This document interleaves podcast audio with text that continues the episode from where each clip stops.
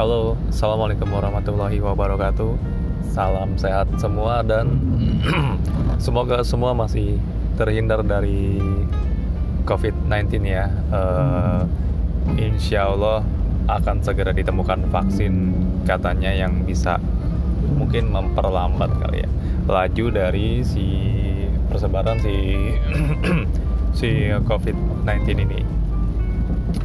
Uh, di kesempatan kali ini saya akan bahas tentang memaksimalkan iklan berbayar di Google atau Google Ads. Bagaimana kita memaksimalkan uh, iklan berbayar di Google supaya mendatangkan lebih mendatangkan lebih banyak uh, traffic ya ke website kita dan kemudian kita konversikan menjadi sebuah leads menjadi sebuah customer yang membeli produk atau jasa kita.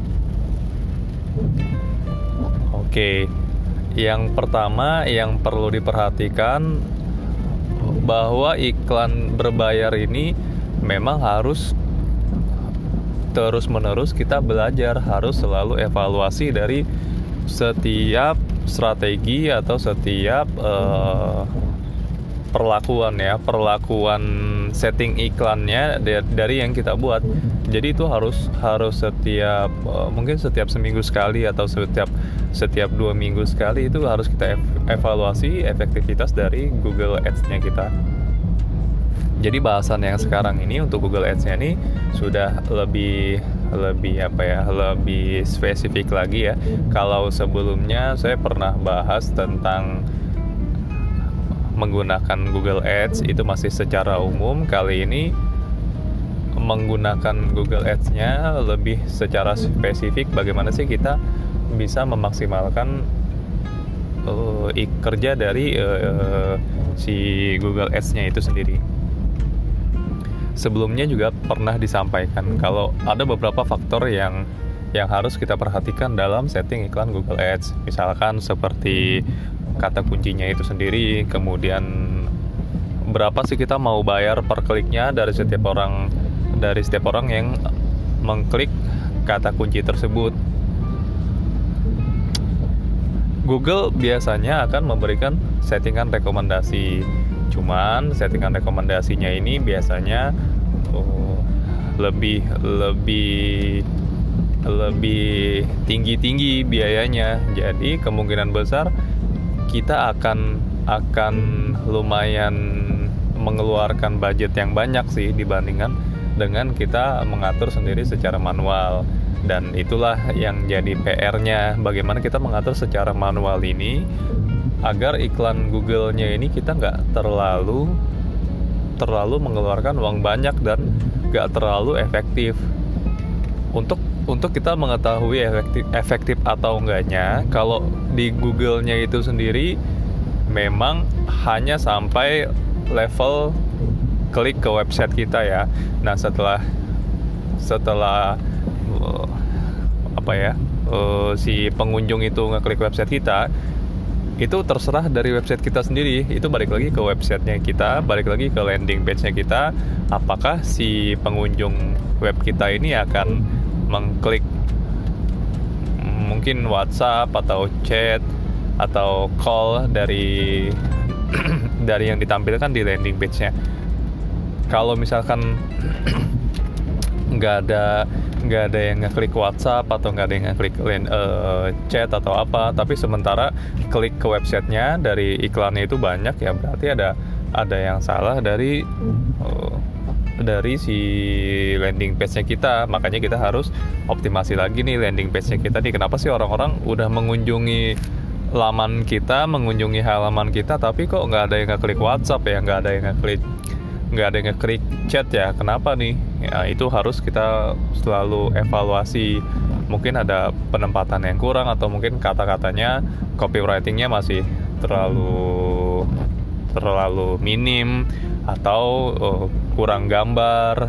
Banyak hal sih yang membuat orang itu akhirnya mau mengklik mengklik uh, tombol atau icon untuk menghubungi kita ya uh, dalam dalam dalam hal apa pun misalkan kayak chat atau WhatsApp tadi. Oke, balik lagi tadi ke hal-hal yang bisa meningkatkan uh, efisiensi dari iklan Google Ads-nya kita. Ini berdasarkan pengalaman juga ya. Salah satu yang bikin bikin bingung itu adalah penempatan kata kuncinya. Jadi kata kunci ini dia akan mempengaruhi tingkat impresi, tingkat view-nya dan akan mempengaruhi juga nanti dari jumlah jumlah kliknya. Kalau misalkan kita lihat ya di Google Ads ini bedanya apa sih dengan dengan kita misalkan iklan di Google sorry iklan di Instagram Ads atau Facebook Ads gitu ya. Oh, kalau iklan di Google ini lebih ke iklan ke orang-orang yang memang benar-benar sudah mencari produk kita. Kalau misalkan kita iklan di sosial media, itu kita lebih ke menawarkan orang secara umum aja. Ya syukur-syukur dia mau gitu dengan produknya kita. Walaupun misalkan dia memang nggak nggak nggak butuh produk kita. Makanya kalau misalkan untuk yang di sosial media eh, kayaknya lebih ke produk-produk yang memang orang-orang butuh gitu ya dan orang-orang kayaknya bakal suka nih dengan produk kita sementara untuk iklan di Google Ads ini lebih ke ya secara spesifik orang itu mencari jasa atau produk kita. Nah, pencarian mereka ini berdasarkan dari kata kunci. Oleh karena itu, yang harus kita selalu evaluasi ini adalah uh, kata kuncinya.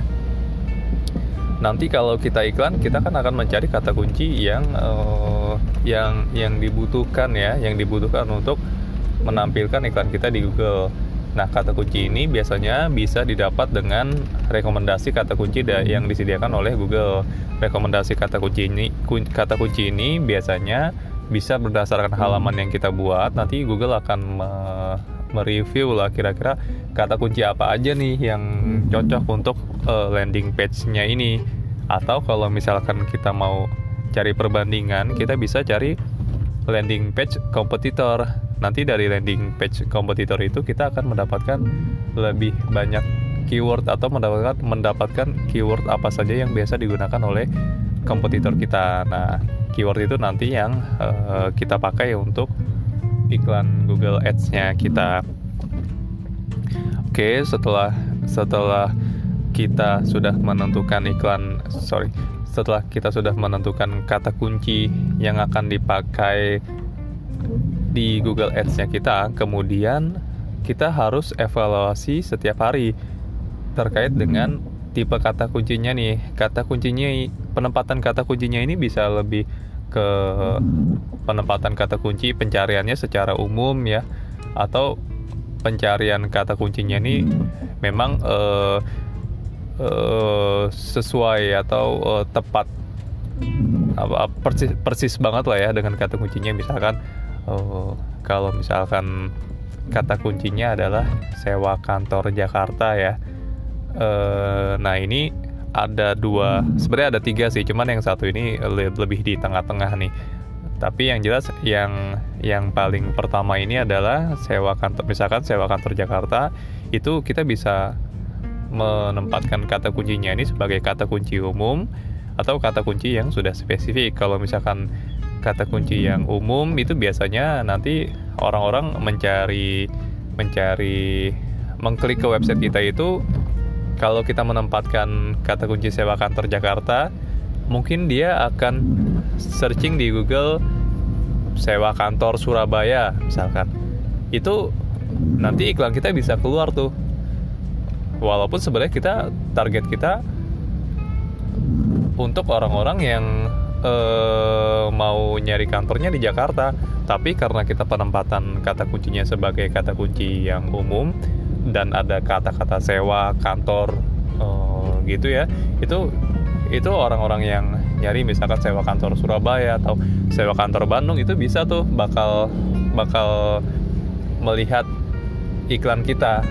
Nah kan percuma ya kita kalau menampilkan iklan di orang yang mencari kantor di luar Jakarta kita ngapain ngiklanin ke mereka? Gitu.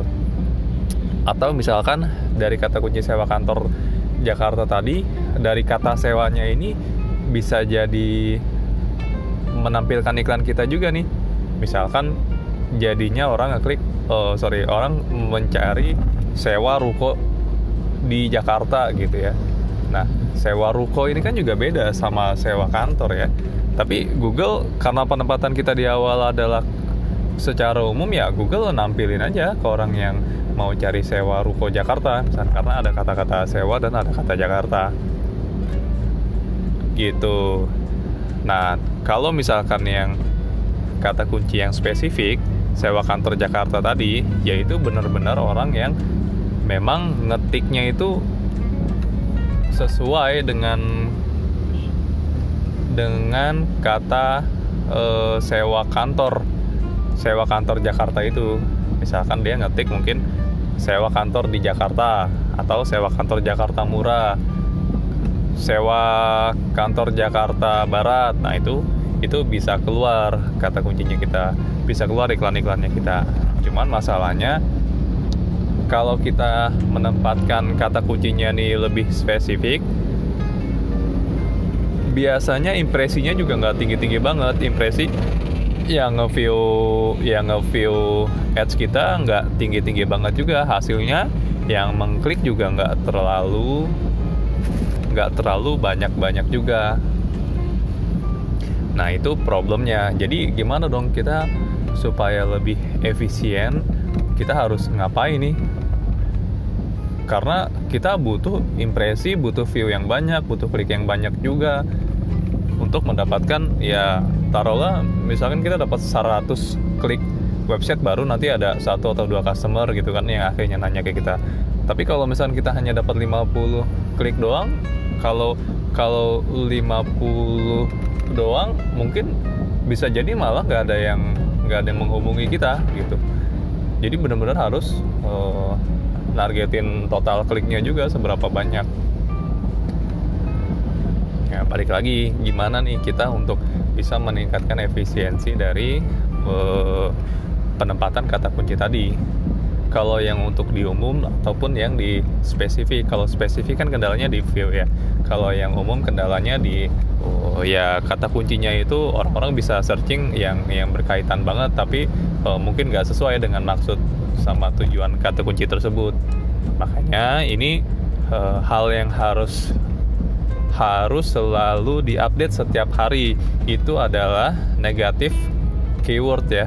Itu kata kunci negatif ini merupakan kata kunci yang kita tuh nggak mau orang-orang bukan orang-orang kita tuh nggak mau iklan kita ditampilkan di Google ketika orang-orang mengetik kata-kata seperti ini atau mengetik kata kunci yang yang ada di list eh, kata-kata di list kata kunci negatif misalkan kayak tadi sewa kantor Surabaya. Nah, berarti kata kunci negatifnya adalah Surabaya. Kita nggak mau nih ada orang-orang yang nyari kantor Surabaya, terus ngeklik ngeklik iklannya kita. Atau atau yang satunya lagi misalkan sewa ruko Jakarta. Kita nggak mau orang-orang yang nyari ruko. Ya kita harus uh, nambahkan kata kunci negatifnya si ruko. Atau sewa gedung nikah misalkan. Nah, gedung nikahnya ini bisa kita masukkan ke dalam list uh, kata kunci negatif.